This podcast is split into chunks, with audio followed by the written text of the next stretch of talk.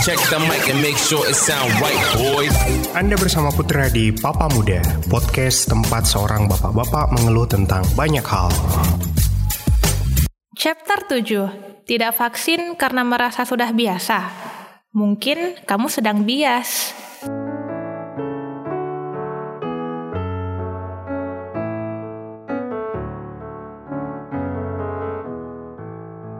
Diceritakan Adam adalah makhluk yang menghuni surga dengan banyak kelebihan di dalamnya.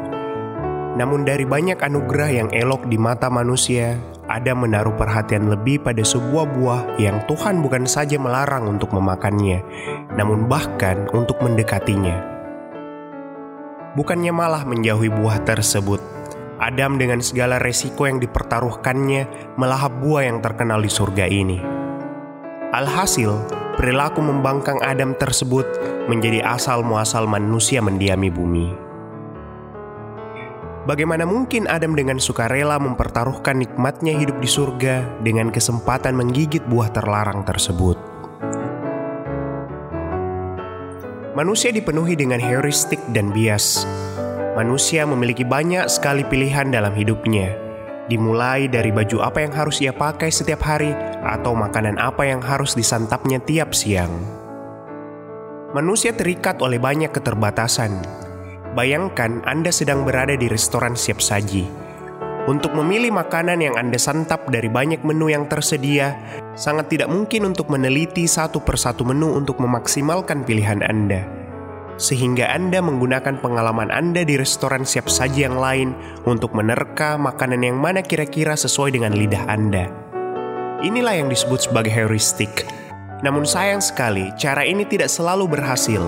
Bukannya malah untung, namun manusia terkadang harus merugi karena menggunakan heuristik.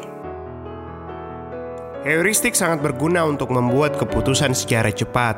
Namun kadangkala pengambilan keputusan cepat tersebut tidaklah sesuai dengan seberapa pentingnya masalah yang ingin dipecahkan.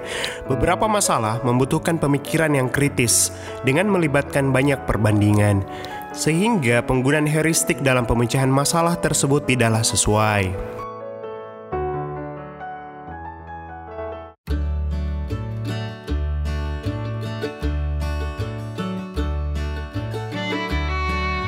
Bayangkan saya bertanya kepada Anda, apakah Anda bahagia dengan hidup Anda?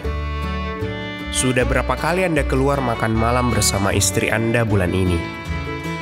Kedua pertanyaan tersebut tidak memiliki hubungan, namun pada saat polanya berbentuk, sudah berapa kali Anda keluar makan malam bersama istri Anda bulan ini?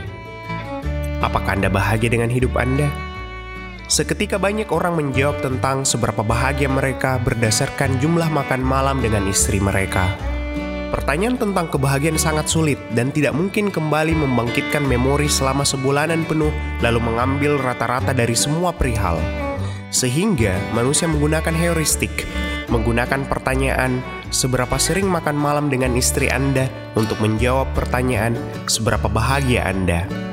Inilah yang disebut sebagai bias, kesalahan dalam pengambilan keputusan dan ketidakkonsistenan manusia dalam pengambilan keputusan itulah yang kemudian disebut sebagai bias. Pada zaman purba, heuristik dipakai manusia untuk mengambil keputusan yang cepat dalam kondisi berbahaya. Hadapi atau lari. Kemampuan ini dipakai juga untuk memilih makanan. Seringkali warna yang mencolok diasosiasikan dengan makanan yang berbahaya. Zaman telah berlanjut, manusia telah lama meninggalkan pola bermukim dalam gua-gua. Sekarang manusia tidak perlu lagi berhadapan langsung dengan alam. Namun manusia tidak banyak berubah. Heuristik sering kali dipakai pada masalah-masalah yang harusnya menggunakan ketelitian yang lebih, membuat manusia terlena dengan bias. Mari ambil contoh mengenai present bias, yang di mana bunyinya adalah manusia lebih memperhatikan dampak yang didapatnya pada saat sekarang tanpa memperdulikan dampak jangka panjangnya. Termasuk di dalamnya adalah perilaku merokok. Manusia dengan seruputan kopi di pagi hari ditemani sebatang rokok menjadi pengalaman yang nikmat bagi banyak kalangan. Dalam situasi tersebut, manusia lebih memusatkan perhatian dengan kondisi rileks yang dapat diciptakan oleh rokok. Apakah mereka tidak mengetahui bahaya merokok? Tidak juga, bahkan dalam berbagai penelitian, perokok cenderung lebih tahu efek yang akan mereka dapatkan di masa yang akan datang. Mereka hanya tidak memperdulikannya. Sebelum memberikan judgement negatif pada mereka, Anda harus tahu meskipun situasinya mungkin saja berbeda, namun Anda juga kemungkinan besar tidak lepas dari present bias. Coba tengok daftar makanan Anda beberapa hari terakhir, pasti banyak di antaranya malah akan memperburuk kesehatan Anda.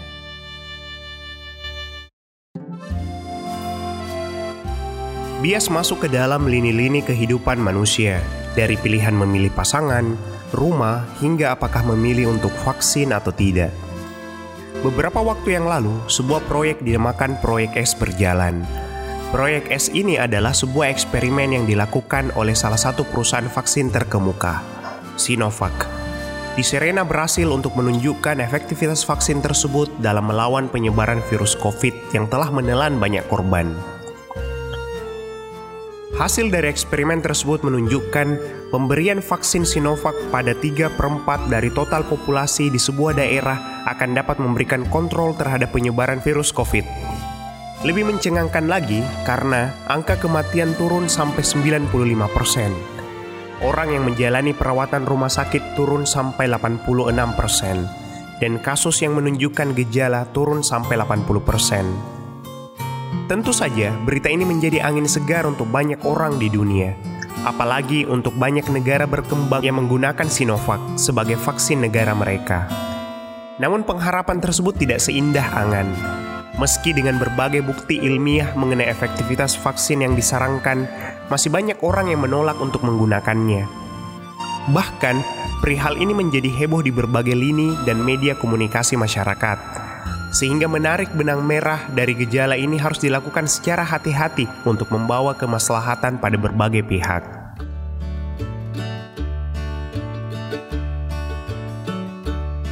Seperti contoh sebelumnya, memilih untuk vaksin atau tidak sangatlah kompleks karena hal tersebut bukan saja berkaitan pada individu yang bersangkutan, namun kemaslahatan kelompok masyarakat. Kompleksitas ini sering kali menjadi lebih buruk karena pengambilan keputusan yang tidak memaksimalkan keuntungan yang didapatkan oleh individu tersebut membuat pengambilan keputusannya menjadi bias. Beberapa contoh bias berkenan perihal tersebut adalah affiliability bias, conformity bias, atau the illusion of control. Affiliability bias Manusia dalam menakar kemungkinan terjadinya sesuatu akan melihat seberapa mudah terpikirkan contoh masalah tersebut dalam pikirannya Perhatian mereka akan mudah tersita pada perihal yang mudah mereka pikirkan daripada yang sulit. Penyebab kematian yang mencolok seperti meninggal karena vaksin atau meninggal karena COVID meski telah vaksin sering kali mendapatkan perkiraan kemungkinan yang cenderung dibesar-besarkan. Sedangkan penyebab kematian yang sudah sering terjadi namun tidak menjadi pusat wacana mendapat perkiraan yang terlalu kecil. Contohnya, jumlah peningkatan kematian kasus COVID tiap harinya. Karena media lebih menyorot meninggal karena vaksin atau meninggal karena COVID meski telah vaksin, membuat orang-orang lebih merasa vaksin lebih berbahaya dibandingkan COVID itu sendiri. Availability bias ini dapat mendorong masyarakat untuk tidak mempercayai khasiat vaksin, lalu memilih untuk tidak melakukannya. Conformity bias Tekanan sosial dalam masyarakat memiliki pengaruh yang besar dalam mengubah perilaku seorang individu di dalamnya. Kalau saja sebagian besar masyarakat di sebuah daerah menolak untuk vaksinasi, kemungkinan individu-individu lainnya dalam masyarakat tersebut tidak memiliki pilihan yang banyak selain juga melakukan penolakan. Meskipun mereka mungkin saja paham akan pentingnya vaksin ini. Hal ini terjadi karena penerimaan oleh kelompok sosial sangat penting oleh seorang individu sehingga mengikuti keputusan orang banyak menjadi cara mereka untuk diterima di kelompok tersebut. Keputusan kelompok sering kali memberikan kemaslahatan, namun juga terkadang membawa musibah. The illusion of control. Manusia memiliki kecenderungan untuk mempercayai bahwa mereka telah memiliki kontrol terhadap hasil dari sebuah kejadian, meskipun sebenarnya kejadian tersebut terlalu kompleks untuk diprediksi seperti mengetahui angka apa yang akan muncul pada sebuah dadu, membuat mereka karena kepercayaan tersebut dapat mempertaruhkan banyak hal. Namun semua itu tidak lebih dari sebuah ilusi, membuat banyak di antara mereka harus pulang dengan tangan kosong. Dalam kasus COVID sendiri, manusia telah cukup lama tetap beraktivitas setiap harinya, meski di tengah ancaman COVID. Mereka kemudian mengembangkan sebuah ilusi bahwa COVID dapat mereka kendalikan menggunakan kebiasaan-kebiasaan mereka tiap harinya, meskipun tanpa imunitas. Namun penanganan penyebaran virus COVID ini jauh lebih kompleks daripada menjaga kebiasaan yang sama tiap harinya. Mutasi virus COVID bisa saja menjadikan kebiasaan-kebiasaan tersebut tidaklah lagi efektif. Lalu, seberapa penting pemahaman tentang bias ini? Bias adalah bagian dari manusia, Manusia memiliki bakat untuk berpikir secara rasional, namun manusia terikat dengan berbagai keterbatasan, atau disebut Daniel Kahneman sebagai bounded rationality. Benar adanya manusia dapat berpikir secara rasional, namun manusia juga terbatas oleh waktu, kemampuan kognitif, atau sumber yang valid. Kesemuanya itu memunculkan bias dan membuat manusia keliru dalam memahami pilihan mana yang terbaik untuk mereka termasuk dalam memutuskan apakah mereka harus vaksin atau tidak. Penentu kebijakan sebaiknya memasukkannya sebagai pertimbangan untuk membuat sebuah pendekatan yang tepat, agar informasi yang disalurkan mengenai vaksin ini tidak terhalangi oleh bias yang dimiliki setiap individu dalam masyarakat.